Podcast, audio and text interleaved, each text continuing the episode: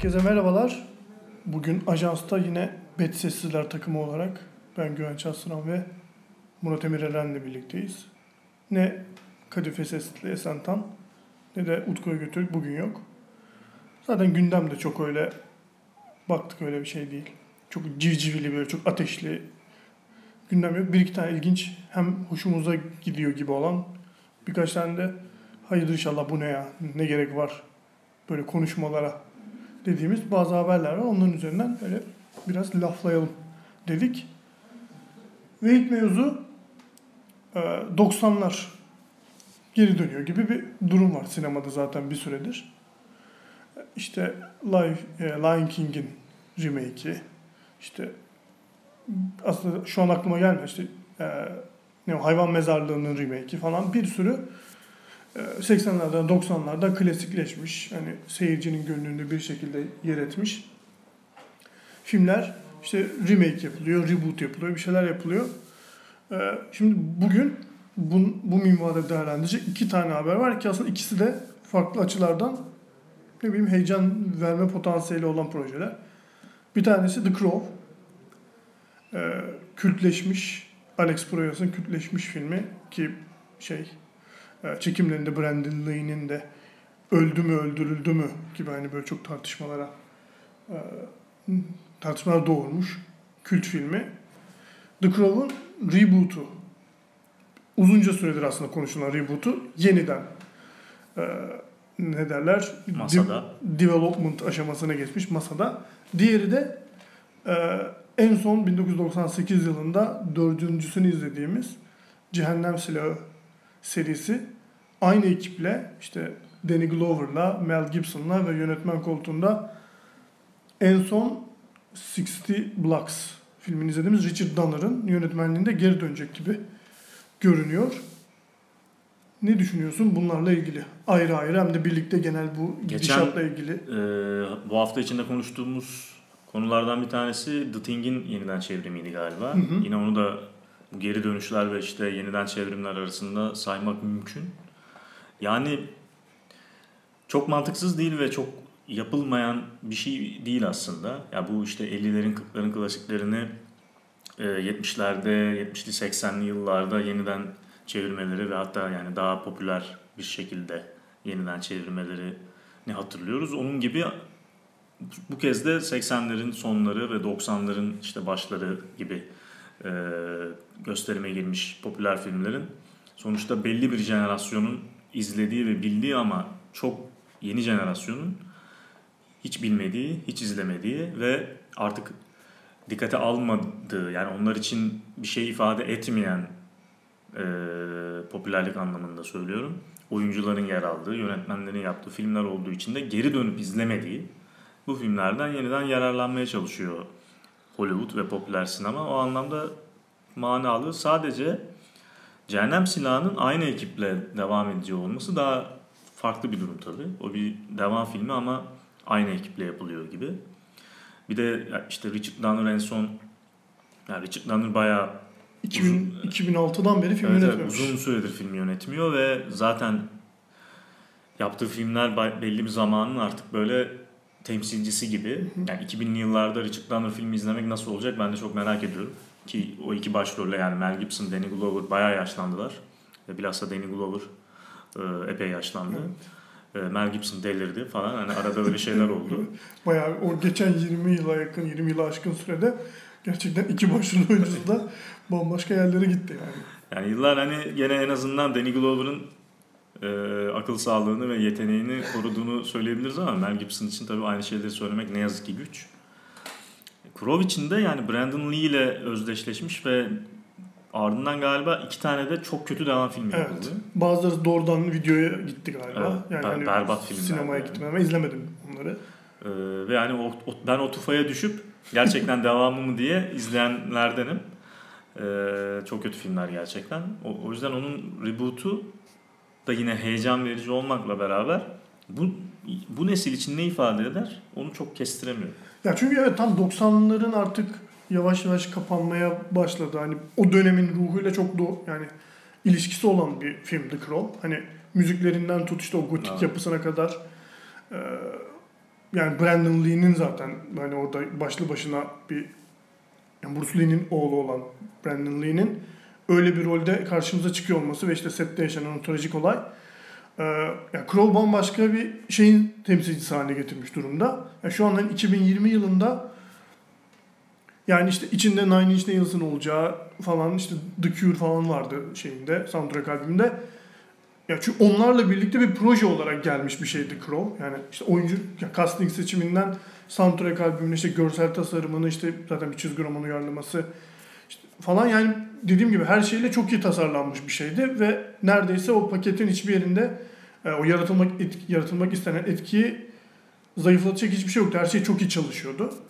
E, ama işte şu an müzik bambaşka yere bir yere bambaşka bir yere gitmişken, sinema bambaşka bir yere gitmişken bir The Crow reboot'u yani şey ya sadece bir sinema filmi olabilir gibi geliyor. Çünkü hani bir alternatif kültür ikonu aynı zamanda Crow baktığımız zaman şu an.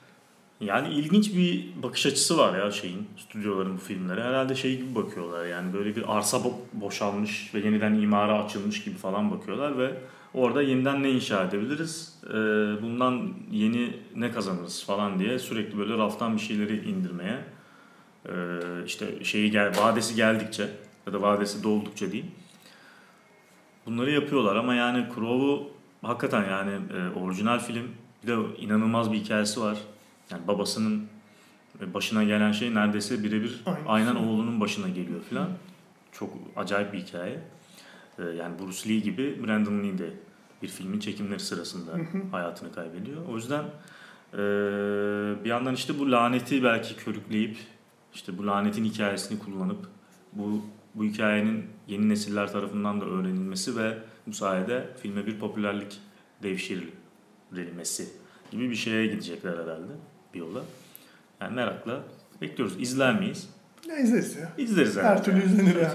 Bakılır. Ya çünkü bir de The Crow reboot'u, remake'inin böyle hani yani biraz önce dediğim ya birçok zaman konuşulmuştu hani ortaya bu fikir yeni bir fikir değil. Yani öncesinde işte Bradley Cooper'ın oynayacağı bir versiyon düşünülüyor. Ondan sonra işte Jason Momoa ki Hı. yani Brandon Lee'nin oynadığı filmi düşününce korkunç bir casting gibi görünüyor kağıt üzerinde en Hı. azından. Ondan sonra Tom Hiddleston'lı falan Alexander Skarsgård'lı falan şey versiyonlar konuşuldu bayağı uzunca süredir. Ya çünkü orada hani çok iyi bir şey var. e, malzeme var hala. Çünkü o dediğin efsaneyi de belki biraz hani Evet. kaşıyarak oradan da bir şeyler çıkartabilir. Çünkü Hollywood'un şu an içinde bulunduğu e, yaratıcılık eksikliğini düşünürsek. Ya bakalım tabii ki izleriz yani. Ben izlerim. Yani çok inanılmaz bir Crow değilim ben ama yani çok nasıl diyeyim çok hani e, sempatiyle yaklaştığım bir filmdir her şeyiyle. E, dolayısıyla hani böyle bir filmde gerçekleşmesi durumunda kayıtsız kalamayacağız gibi görünüyor. Özellikle hani bizim yaş grubumuzun. Belki çünkü bizden yani 2000'lerde daha böyle sinemaya o, o zamanlarda daha böyle ilişkisini o zamanlarda geliştirmiş kişiler için çok bir şey ifade etmiyor olabilir. Ama yani Crow gerçekten hani 90'ların sonlarında Türkiye'de de böyle bir şey yapmıştı. Bayağı bir rüzgar estirmişti Türkiye'de yani. çok seviliyor film. Türkiye'de e, te- televizyonda e, bir dönem için özellikle en çok gösterilen filmlerden biriydi. hı. Ve yine bu hikayeyle pazarlanıyordu. Ben de işte Sine 5'te Çok da gör- gösteriliyor. gösterildiği zamanı hatırlıyorum. İşte o zaman şey vardı. Sine 5 her ay üyelerine şey gönderiyordu. İşte o ayki programı tanıtan bir dergi gönderiyordu. Yani, yani şey Crow'un gösterime gireceği ayki kapa şey dergi kapağında da Crow vardı. O imgeyle zaten çok ak- akıllara kazan, kazınmış bir film. Dediğim gibi belli bir kuşan. Ee, yani şeyde şeyle ilgili de ben bir iki bir şey söyleyeyim. Cehennem Silahı ile ilgili. Ya, çok büyük bir klasik Cehennem Silahı. Yani eğlence sinemasının özellikle 90'lar ve eğlence sineması diye düşündüğümüzde e, yani zirve noktalarından bir tanesi. Hani yani sinema sanatının neresinde durduğu tartışılır belki ama yani o da işte sinemanın bir eğlence kültürü ürünü olduğunu da düşünürsek o işi çok iyi çalıştıran bir seri. Yani her dördü de aşağı yukarı belli seviyenin üzerindedir yani Cehennem Sil- Silahı Evet serisi. yani e, devam filmlerinden birinde işte hangisi olduğuna ya ya iki ya üç e, politik bir takım Evet, evet. soslar da vardı, Evet, nosyonlar da vardı. Biraz böyle hamasi tarafları da vardı. E, ama bunu böyle ilginç bir şekilde yani soğuk savaş e, tarafından alıp işte yani Sovyet ve Evet öyle bir film vardı dediğin Amerika. Sovyetler ve Amerika geriliminden e, beslenen bir takım hikaye hikayeler de vardı filmin içinde. Fakat onun içinde garip bir şekilde e, bunu e, bura, ya bunun bu meselenin ortasında durmayı başarıyordu bizim karakterler. Yani diyebilirim. E, o, o açıdan hani e, ilginç bir hali vardı yani klasik bir Amerikan blockbuster tabii ki. Elbette Amerikan tezini savunan bir film ama bununla beraber işte karakterleri ölçüsünde biraz böyle ortada durmayı baş çalışıyordu en azından. Ya onu Richard, söyleyeyim. e ben Richard Donner'ı çok severim bu arada. Özellikle yani, Çok iyi bir aksiyon yönetmeni. Evet yani mesela ilk Superman filmi çok iyidir bence. Yani ben çok severim. Hatta bir şey e, fiyaskoyla sonuçlanan Superman 2'nin de aslında ilk başta onun önünde olduğu ama işte stüdyoyla sorunlar yaşadığı. Hatta böyle seneler sonra Richard Donner'ın kurgusuyla biraz daha toparlanmış versiyonu gelmişti filmin. Mesela işte yine 90'lar klasik işte komplo teorisini falan yönetmenidir. Örnek vermek gerekirse Bu- ki son çektiği film de bence fena değildi. Bunu izinde yönetmeni galiba. Ha, evet yanlış çok, çok hatırlamıyorsak. sevdiğimiz. Evet. Dolayısıyla hani yine bir Richard Donner filmi ve yani bu orijinal kadroyla bir Cehennem Silahı filmi fik- fikri fena gelmiyor. En azından biraz daha hani, en azından devam filmi olması itibariyle bu re- remake, reboot e, furyasından bir tık ayrılıyor gibi. Çünkü orijinal şeyi korumaları, otantik yapıyı ya o karakterlerin yaşlandıktan sonra çünkü hani sonuçta aynı karakterleri oynayacağını da varsayarsak ya o karakterlerin de yaşlanmış hallerini oynayacaklar gibi Evet. düşünürsek ilginç bir şey olabilir yani. Bir de bu bu ikili yani Danny Glover ve Mel Gibson diğerleri gibi e, yaşlandıklarını gizlemeden yaşlanan Evet evet. aksiyon yıldızları. Evet evet öyle. Yani Do- doğru. işte Sylvester Stallone gibi bu yaşına kadar saçını boyayarak gelmedi. Dün galiba ilk kez öyle bir şey paylaşmış bu arada. E, Stallone ilk kez işte şeyi bırakmış boyayı falan. Hadi E, inşallah. saç boyası reis. saç boyası ve botoks reis. E, botoksu da şeyi de boyayı da bırakmış. Nihayet işte 73 yaşında galiba şu an. 73 yaşında gerçekten gösterdiği bir fotoğraf paylaşmış. Yani o Expendables serisi falan yani. Ne Yani bileyim. Ben evet. çok evet nostaljik bir tadı var ama yani biraz gülünç filmlerde Artık yani. tamam yani. Evet. Evet, biraz bu görece sıcak baktığımız remake, reboot, devam filmi furyasından sonra pek bir anlam veremediğimiz e, ve yine Me Too ile ilgili bir gelişme Ha. var. Her gün zaten 3 aşağı 5 yukarı her gün olmasa bile haftada 2-3 kere bu konuyla bir yerinden temas halinde bir şeyler oluyor. Oyuncular, insanlar, yönetmenler ya bir şey yapmış oluyorlar ya bir şey söylemiş oluyorlar. Bu sefer de Asia Argento ki aslında ilk bu olaylar ortaya çıktığında Harvey Weinstein'ın mağdurlarından bir tanesiydi. Evet. Kendisi hatta yani şeydi böyle bayrak taşıyan Evet. isimlerinden biriydi bu hareketin.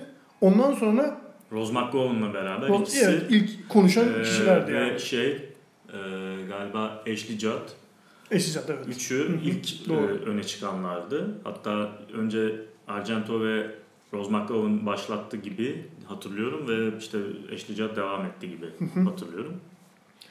Velhasıl e, birkaç sene sonra Asia Argento'nun bir başka bir filmin çekimleri sırasında e, Jimmy Bennett isimli e, reşit olmayan bir oyuncuyu taciz ettiği işte Ya o film o kadar skandallı ki bu arada hakikaten e, galiba şey e, the, the Heart is Deceitful Above All Things evet diye upuzun bir adı vardı ve e, ülkemizde de gösterime girmişti. Önce zaten şey çıktı. Kitabın yazarı kendi hikayesini anlattığını iddia ediyordu kitapta ve işte annesi tarafından istismar edilen çok korkunç bir hayat hikayesi olan e, bir çocuğun işte hayatta kalma bütün bunlara rağmen hayatta kalma hikayesi gibiydi. Yani çocuğun ve annesinin hikayesini birlikte anlatan bir filmdi.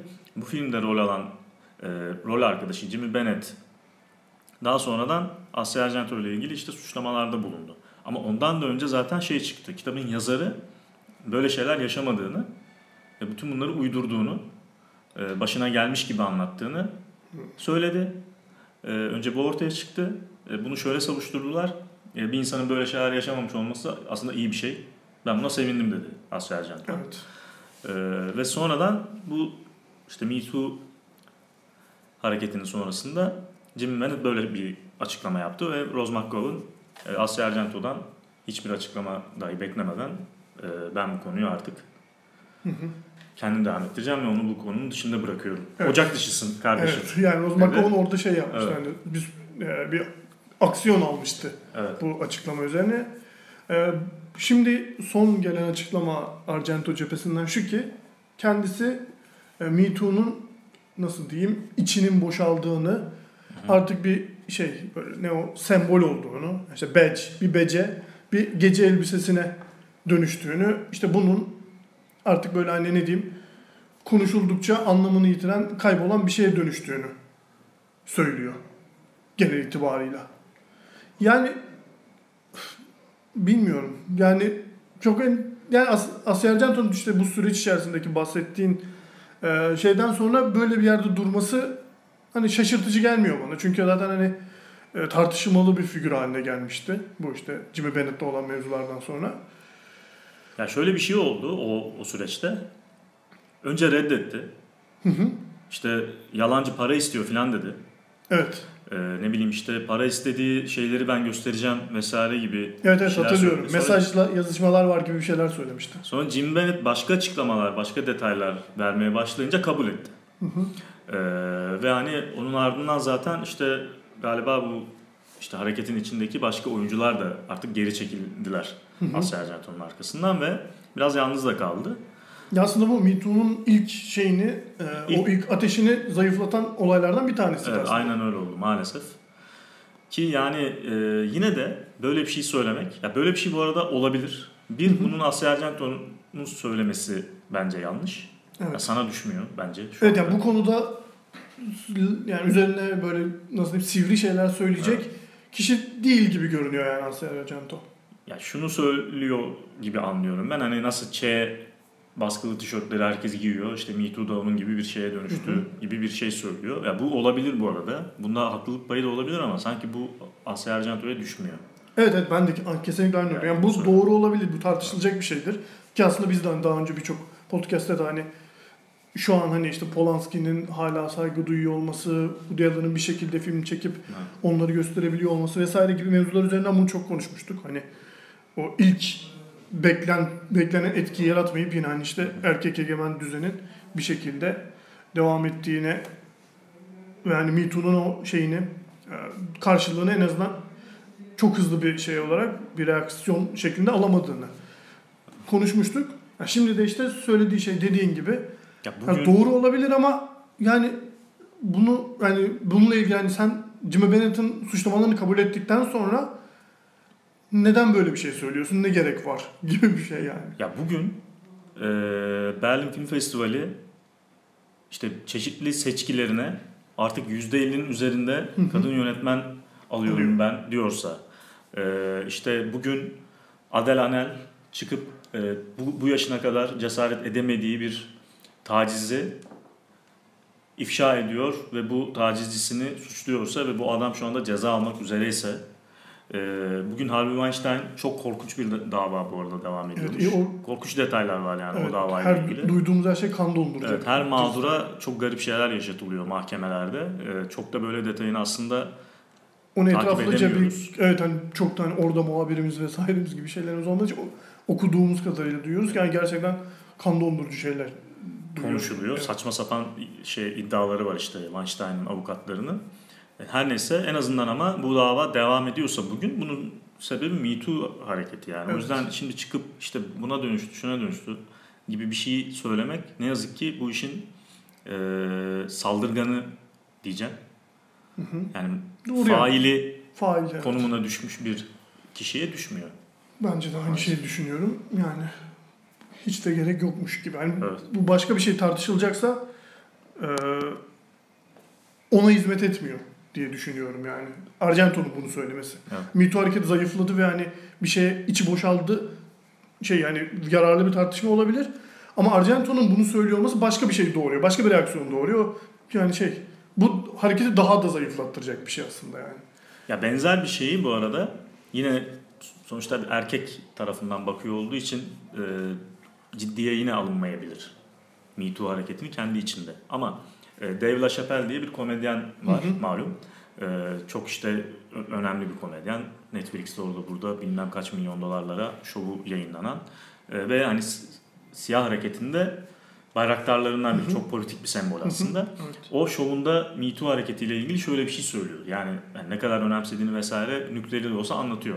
O ayrı ama e, siyah hareketinin de bir dönem çok popüler olduğunu Hı hı. ve sonra nasıl yalnızlaştırıldığını anlatıyor. Ve e, Me Too hareketiyle ilgili de şunu söylüyor. Yani bunu e, beyaz kadınların hareketi halinde tutarsanız bunu e, sınıfsal bir şeye e, işte çok politik ve bir takım işte ır- ırkla ilgili meselelere, çok insani meselelere yaslamazsanız sırtını bu, bu konunun unutulup gidebilir ve işte po- popüler olduğuyla kalır gibi bir, bir, bir eleştirisi vardı onun da. Yani, Ya bunlar hani tartışılabilir ama Evet. yani kalkıp işte daha daha ilk böyle e, kendisiyle ilgili iddiada özür bile dilemeyen Argento'nun bunu söylemesi pek olmuyor tabii. Evet. Son olarak da kısaca bir yine hiç fena görülmeyen kağıt üzerinde bir projeden bahsedelim. Yorgos Lanthimos bir kısa film çekiyor. Ee, başrolünde de Muston oynuyor. Ki biliyoruz kendileri daha önce The Favourite'la beraber çalışmışlardı ve çok verimli bir ortaklıktı benim adıma. Daha sonra Lanthimos'un sanırım W dergisi içinde Emma Stone'un böyle çok güzel fotoğraflarını çekmişti. Ve şimdi de hani bir kıza filmde birlikte çalışıyor olmaları Yunanistan'da çekiyor bu arada filmi. Lanthimos ve sanırım bir sanat ente, entelisa, ne o? Söyleyemedim. Enstalasyonu. Enstalasyonunun parçası olarak gösterilecekmiş ama tabii ki bir noktada o bizim de önümüze düşer o çalışma. Ee, yani bir şey gibi hani sanki bir ortaklığa dönüşüyor gibi bu iş. Ee, Ve bence heyecan verici bir ortaklık. evet kesinlikle Emma Stone'un en iyi performanslarından biriydi herhalde. The Favorite'deki performansı. Hı hı. Filmi de çok böyle yükselten bir Evet, performanstı ben- aynı zamanda. E, Lanthimos da sevdiğimiz ve başarılı ilerleyen sanki bir yönetmen. O yüzden sevindiğimiz bir haber. Güneş, Sevindiğimiz bir evet bunu En azından etme- yüzümüz, yüzümüz gülüyor Evet be. iyi, iyi bir şeyle kapatalım dedik aslında. Gibi bakalım hani inşallah uzun çünkü hani şey oluyor. Son dönemde böyle hani oyuncu yönetmen ortaklıkları genelde iyi sonuçlar veriyor gibi. Ya işte hani en ilk aklıma gelen tabii ki Leonardo DiCaprio, Martin Scorsese. Ki yeni Scorsese'nin yeni filminde de yine beraber çalışıyorlar ya. İnşallah bu kanaldan devam ederler. Çünkü ilginç bir ikili bir Bir anlamda. de Çünkü erkek yönetmen, kadın Ha, oyuncu evet. ikilisi de çok yok Evet. aslında yani. Hem o yok hem de bir de şey yani kariyerlerinin çıkış noktasına baktığımız zaman Emma Stone hani romantik komedilerle Hı hı.